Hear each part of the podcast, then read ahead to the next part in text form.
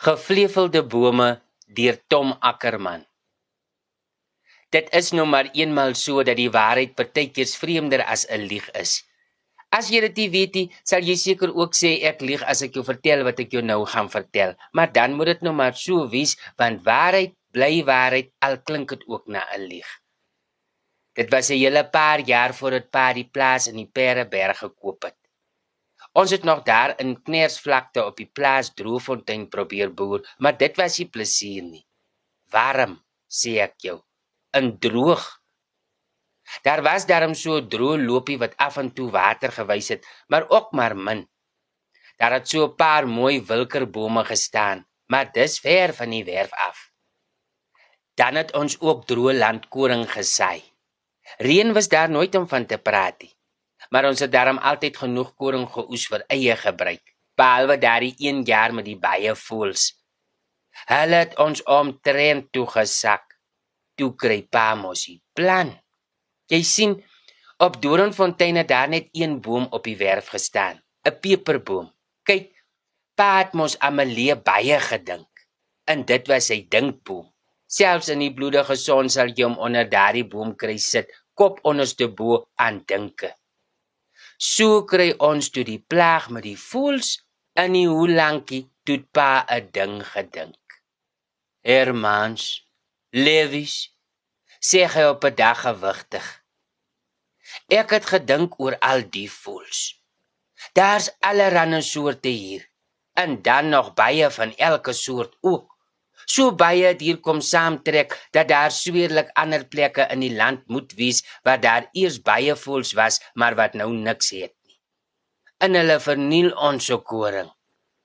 Ons sal van jare eens 'n mut kry vir eie gebruikie. Ons moet plan maak. En daar's net een plan wat sal werk. Ons moet hierdie voels vang en terugverkoop in waar hulle vandaan kom. So kry ons darm iets terug paat mooi beduie van wat en hoe en wanneer ons moet doen in al daai dergelike dinge. Ons het mooi geluister en geweet presies wat om te doen. Eers bou ons 'n groot hok om die voëls wat ons vang in aan te hou tot ons begin verkoop. Toe ek en Levi stakkies gaan sny in die wilkers terwyl die voël lym van tybos sap en melkbos op die vuur staan en ty word. Ons het gemaak soos pa beduie het en paat nog so kop onderste bo diep gesit en dink Toe maak ons die eerste stokkies in die peperboom vas en smeer hulle goed met ons eie mengsel voorlyn. Pa was te diep aan die dink om ons agter te kom. Dis toe naby skemer en ons staan een kant toe en daai voel sakkie peperboom toe.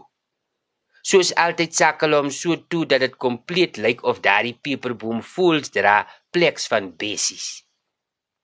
Toe hulle nou die boom so vol sit dat daar nie eens meer plek vir 'n mossie is nie, gaan ons versigtig nader om hulle te vang en te hok. En pa sit nog kop onderste bo diep in dink onder die boom. Alles sou mooi uitgewerk het as dit nie vir Lewies was nie. Hy's mos al jemmer so lomp soos 'n uur oud kalf. Toe ons by die boom kom, haak sy voet vas en hy val met 'n lyf en arms en bene en alles wat oral swai en sy hoed ook sommer die lug in. Ek sê jou, Daardie voel skrik en wil weg. Maar die voel lê mos te goed om hulle te los en dit begin te lyk of die boom vlerke klap. En hulle liggie peperboom wragtig wortel en tak uit die grond uit en vlieg met hom weg. Terwyl pa nog so diep sit en dink, gee die aarde onder hom pad in met die dinkstoeltjie in al stort hy die boom se gat in. Ons het later verneem Oom Toop het op sy stoep gesit en koffie drink toe die boom bokant sy werf verbyvlieg. Hy het dadelik geweet dis die laaste dag en hy het met sy arms op sy bors gevou op sy rug gaan lê. En dit was 2 dae voor Tassina hom weer kon buite kry. Maar dit het ons later eers gehoor. Hier op Droefontein se werf het ek in Lewies versigtig gekyk hoe kwaad pa gaan wees sodat ons kon weet hoe vinnig en hoe ver ons moet hardloop. Maar snaaks, paat stadig opgestaan en uit die gat geklim en hom begin afstof.